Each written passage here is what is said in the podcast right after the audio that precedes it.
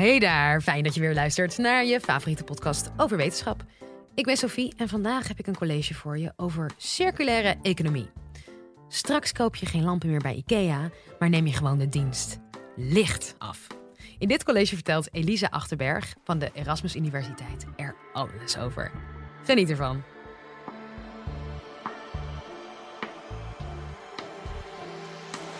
Live vanuit Club Air is dit de Universiteit van Nederland. Een aantal jaren geleden werkte ik als econometrist in de financiële sector. Waar ik uh, risicomodellen maakte uh, voor verschillende financiële instellingen. Banken, pensioenfondsen, verzekeraars. Eén jaar heb ik doorgebracht uh, in de dealing room van de ABN AMRO Bank. Waar ik een risicomodel maakte voor Securities Finance Desk. Klinkt heel interessant. Daar werden hele ingewikkelde financiële contracten verhandeld. En uh, ik vond het eigenlijk nogal ingewikkeld uh, om te begrijpen wat er nou precies gebeurde met die dingen. Niet alleen omdat het ook echt ingewikkeld was, maar ook omdat de handelaars een beetje onwillig waren om eigenlijk hun ware gezicht te laten zien. Uiteindelijk met wat druk van bovenaf is het me uiteindelijk wel gelukt om een soort eerste risicomodel te maken. Maar, en ik snap ook wel, want uh, wat, wat kom ik daar als klein meisje de grote stoere jongens vertellen dat ze te veel risico nemen. Maar het heeft me eigenlijk nooit echt tevreden gestemd, zeg maar, wat ik daar toen heb gemaakt. Want uh, wat ik daar zag was eigenlijk het beste te vergelijken met het drosten-effect. Je weet wel, zo'n cacaoblikje waar uh, zo'n vrouw op staat met een cacaoblikje. En daar staat een vrouw op met een cacaoblikje. En daar staat weer een vrouw op met een cacaoblikje, et cetera. Zo'n gevoel kreeg ik namelijk daar ook. Er werden aandelen gekocht, die werden geruild voor geld. En met dat geld werden weer aandelen gekocht. En met die aandelen werd weer geruild voor geld. En daarmee kopen ze weer aandelen een uh, best wel onoverzichtelijk proces, vond ik dat. En als ik dan ging doorvragen van hoe zit het nou en, en hoe, hoe werkt dat precies, dan kreeg ik eigenlijk uh, een soort. Uh, we hebben daar geen data over op het request. Ik hoop dat het inmiddels, want dit is al wel weer een tijdje geleden, dat het inmiddels iets duidelijker is geworden. En ik denk ook wel dat dat gebeurt de laatste tijd. Maar uh, tijdens mijn werk daar in die uh, dealing room uh, zag ik op een mooie dag een documentaire, een BBC-documentaire over. Het A Farm for the Future. Waarin de maakster van de documentaire eigenlijk op zoek gaat naar een landbouw, een manier van landbouwbedrijven voor de toekomst. En um, ze is zelf opgegroeid op een boerderij en ze zag eigenlijk dat alle methodes die we gebruiken uh, we zijn verslaafd aan olie. Zeg maar, voor alles wat we doen. Zaaien, oogsten, ploegen, uh, pesticiden, herbiciden, kunstmest. We hebben voor alles grote machines nodig. Dus de boterham die je eet is eigenlijk een industrieel zwaargewicht geworden. En dit is geen recept voor de toekomst. Dus zij ging op zoek naar oplossingen en zij vond de oplossing in uh, permacultuur. Permacultuur, het klinkt een beetje gek, maar het is een samenstelling van twee woorden: permanent en agricultuur. En uh, het is een ontwerpmethode om gesloten ecologische systemen te ontwerpen. Dus dat je, dat, uh, je systeem het eigenlijk vooral veel zelf doet en zo min mogelijk externe energie nodig hebt. Deze methode is eigenlijk uh, gebaseerd op drie ethische principes: zorg voor de aarde, zorg voor de mens en eerlijk aandeel. En um, om je een voorbeeld te geven, zeg maar, stel dat we in Nederland uh, de, het land zijn gang laten gaan, dan ontstaat er bos. En wat we nu aan het doen zijn, is vooral zorgen dat er geen bos komt en vooral ploegen, uh, zodat we kunnen zaaien en, en brood kunnen eten. Maar wat een permacultuurontwerper doet, is: oké, okay, fair enough, als hier bos moet groeien, hoe kunnen we zorgen dat er een bos komt, maar dat het ook voedsel oplevert voor de mens en bouwmateriaal en water. En dat we tegelijkertijd de natuur beschermen, maar tegelijkertijd een intensief systeem ontwerpen waar de mens wat aan heeft. Dus die twee laten samengaan in plaats van tegen, tegenwerken. Nou, dit concept heeft me toen zo gegrepen dat het me eigenlijk nooit meer heeft losgelaten. Maar ik begon me wel af te vragen: hoe kan het werk dat ik aan het doen ben bij de bank zo ver afstaan van wat dat permacultuur is en wat ik daar leer aan ontwerpen en hoe dat over water en land en voedsel en wonen gaat. De primaire dingen in het leven, zeg maar. En als ik het financieel systeem bekijk en, en de permacultuurprincipes ernaast leg, dan. Uh, nou, er wordt niet echt veel in geïnvesteerd in, in zorg voor de aarde of nou ja, zorg voor de mensen. Laat staan eerlijk aandeel. het meeste geld stroomt naar waar het meeste geld al is. Dus wat gaat hier mis? Wat, kunnen, we, kunnen we deze principes niet gebruiken om een nieuw financieel systeem te gaan ontwerpen? Dus ik besloot het roer om te gooien en uh, ben uiteindelijk uh, gaan werken bij Circle Economy en Sustainable Finance Lab, waar ik nu werk. En hier werk ik aan uh, de rol van het financieel systeem in een circulaire economie. En dat doe ik door wetenschap en praktijk eigenlijk aan elkaar te verbinden. Dus ik doe gedeeltelijk onderzoek, maar gedeeltelijk werk ik ook in de praktijk met bedrijven en financiers. Maar ja, wat is, wat is een circulaire economie? Ik vind het altijd het makkelijkst uit te leggen om uh, het voorbeeld te geven van de lineaire economie, de economie waar we ons eigenlijk nu uh, nog in bevinden. Um, we zijn inmiddels heel goed geworden in het, in het uh, delven van grondstoffen en het produceren van producten en die te verkopen. En na een uh, hele korte levensduur breken we gelijk al die waarden weer af door het op de vuilnisbelt te gooien. Het verdienmodel achter deze lineaire economie is eigenlijk zoveel mogelijk producten verkopen die eigenlijk nog net niet stuk zijn. Serieus, er wordt heel veel kennis gestopt en techniek gestoken in het ontwerpen van producten die snel kapot gaan eigenlijk. Uh, dit is heel gek, want um, ja, de grondstoffen zijn niet onuitputtelijk. En we doen alsof dat wel zo is. We doen ook alsof de aarde uh, oneindig veel afval kan absorberen. Dat is ook niet het geval, dat weten we allemaal. Um, dus we hebben eigenlijk echt een ander soort economie nodig, een andere mindset om dit probleem op te lossen.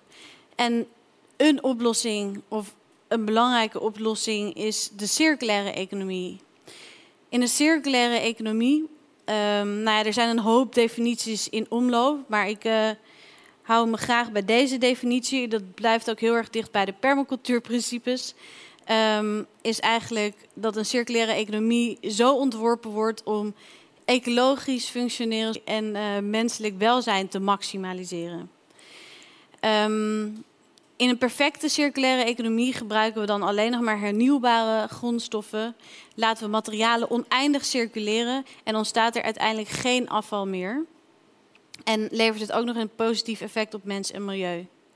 In de praktijk zie je dat uh, er allerlei nieuwe bedrijfsmodellen ontstaan die dus bezig gaan um, met het behouden van waarde. Dus in plaats van dat we dat op de vuilnisbelt gooien, gaan we producten hergebruiken. En let wel, niet alleen recyclen, want dat wordt nog vaak gedacht bij, bij circulaire economie. Dat is eigenlijk de minst efficiënte stap. Zeg maar, een product direct hergebruiken is veel efficiënter dan hem helemaal omvormen weer tot grondstof.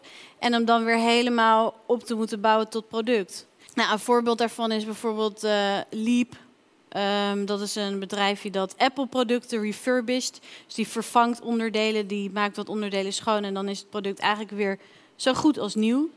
Maar ook een leuk voorbeeld is dat de, de gouden plakken van uh, de Olympische Spelen zijn gemaakt uit uh, herwonnen goud uit uh, gebruikte mobieltjes.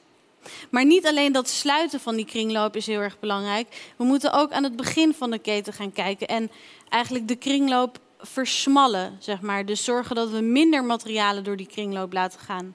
Een mooi voorbeeld daarvan is de Fairphone. Ik weet niet of jullie er wel eens van hebben van gehoord. Het is een ethisch geproduceerde telefoon.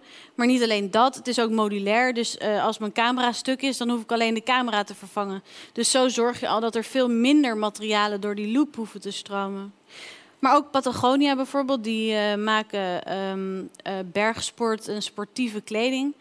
Maar die ontwerpen ze voor lange levensduur, zodat ze eigenlijk je hele leven meegaan. En vragen daar een hoge prijs voor, om consumenten ook niet te stimuleren om heel veel kleren te kopen, maar gewoon één goed kledingstuk wat gewoon lang mee kan. En dan is er eigenlijk nog een derde component. We moeten ook zorgen dat niet alleen we de kringloop sluiten en de kringloop kleiner maken, maar dat we hem ook vertragen. Dus dat we zorgen dat die producten ook lang gaan leven. Dus bijvoorbeeld door nou ja, ouderwetse reparatieservices. Dus dat je een product in gebruik hebt die je ook vervolgens nou ja, zo lang mogelijk in leven kan houden.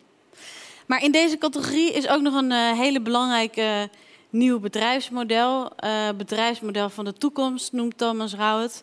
En uh, dat gaat over de verschuiving van bezit naar gebruik. En ik vind het heel mooi hoe hij dat uitlegt in de tegenlichtaflevering Einde van Bezit.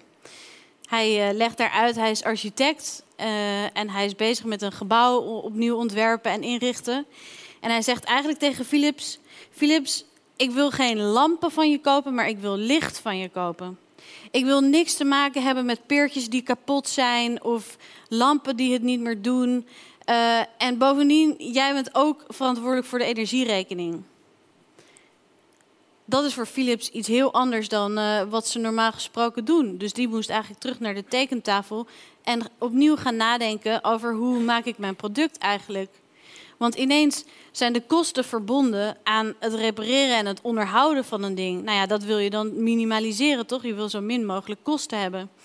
Dus ineens gingen ze ontwerpen voor een lange levensduur. Lampen die heel lang meegaan, die makkelijk te onderhouden zijn. En uh, nou ja, ook nog eens energie-efficiënt. Kortom, er ontstaat een financiële prikkel voor duurzaamheid in plaats van uitputting. Dus dit is een heel belangrijke hoeksteen eigenlijk van het veranderen van verdienmodellen voor de toekomst.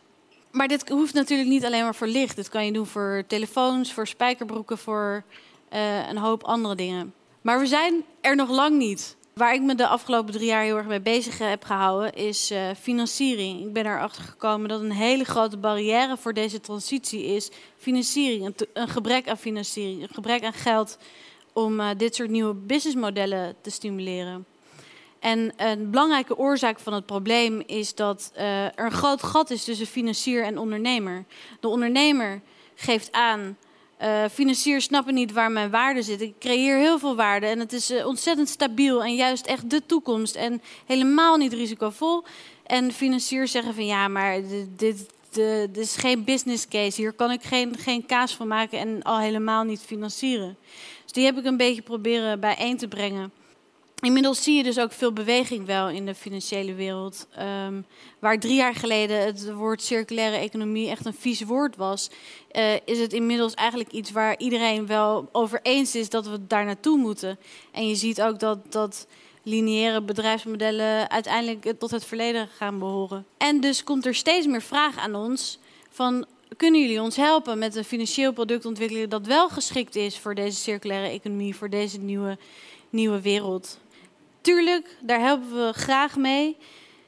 Maar niet zelden gebeurt het dan dat de deelnemers aan de haal gaan met: oké, hoe gaan we zoveel mogelijk winst maken van zoveel mogelijk cycli en zo niet transparant zijn over de kosten en es het zo snel mogelijk afschrijven zodat we zoveel mogelijk winst maken met een heel klein beetje risico. Komt bekend voor, niet waar? Iets met financiële crisis. Dus zeg maar, ik ben ontzettend blij dat er veel enthousiasme komt nu over uh, de circulaire economie. Maar ik heb ook het gevoel dat we nu op een soort tweesprong staan. We hebben nu de keuze, zeg maar, wordt de circulaire economie business as usual? Of gaan we echt een systeemverandering teweeg brengen? Ik ben er eigenlijk niet echt gerust op dat we nu allemaal als soort van blinde stieren op de nieuwe heilige graal, de circulaire economie, afstevenen. Het vergt echt visie en kunde en, en kennis om dit op een juiste manier te doen, zodat we niet vervallen weer in een business as usual scenario. Hoe kunnen we zorgen dat dit soort goede ideeën en goede intenties uh, niet overgenomen worden door de oude economie? Denk aan voorbeelden als Airbnb en Uber. Ontzettend mooie sociale ideeën, maar uh, jullie weten ook wat daarmee gebeurt. Dus ik denk dat het heel erg belangrijk is om uh, ons ook te realiseren dat we ons moeten verdiepen in het sociale aspect van de circulaire economie. Wat gaat dit sociaal-economisch betekenen? Wat gaat dit betekenen voor de gelijkheid of ongelijkheid, vermogensgelijkheid? Wat nou als de banken straks je nachtlampje uitdoen op het moment dat je je rekening niet hebt betaald? Willen we dat? Dus eigenlijk om op uh, de vraag antwoord te geven: waarom kopen we in de toekomst licht in plaats van lampen? Ik denk dat het een essentiële verandering is in de manier waarop we verdienmodellen inrichten. Dat we de prikkels uh, zo leggen dat duurzaamheid loont in plaats van uitputting. Maar ik denk dat misschien nog wel belangrijker is om de vraag te stellen: hoe zorgen we er nou dat de oude economie niet de nieuwe economie weer overneemt? En daar heb ik jullie hulp ook hard bij nodig. Dank jullie wel. Ik hoop dat je het weer een fijne aflevering vond. Ben of ken jij nou een wetenschapper die je hier ook graag zou horen met een inspirerend verhaal? Mail ons je tips via podcast.universiteitvannederland.nl En je hoort me weer bij de volgende aflevering. En die gaat over nudging.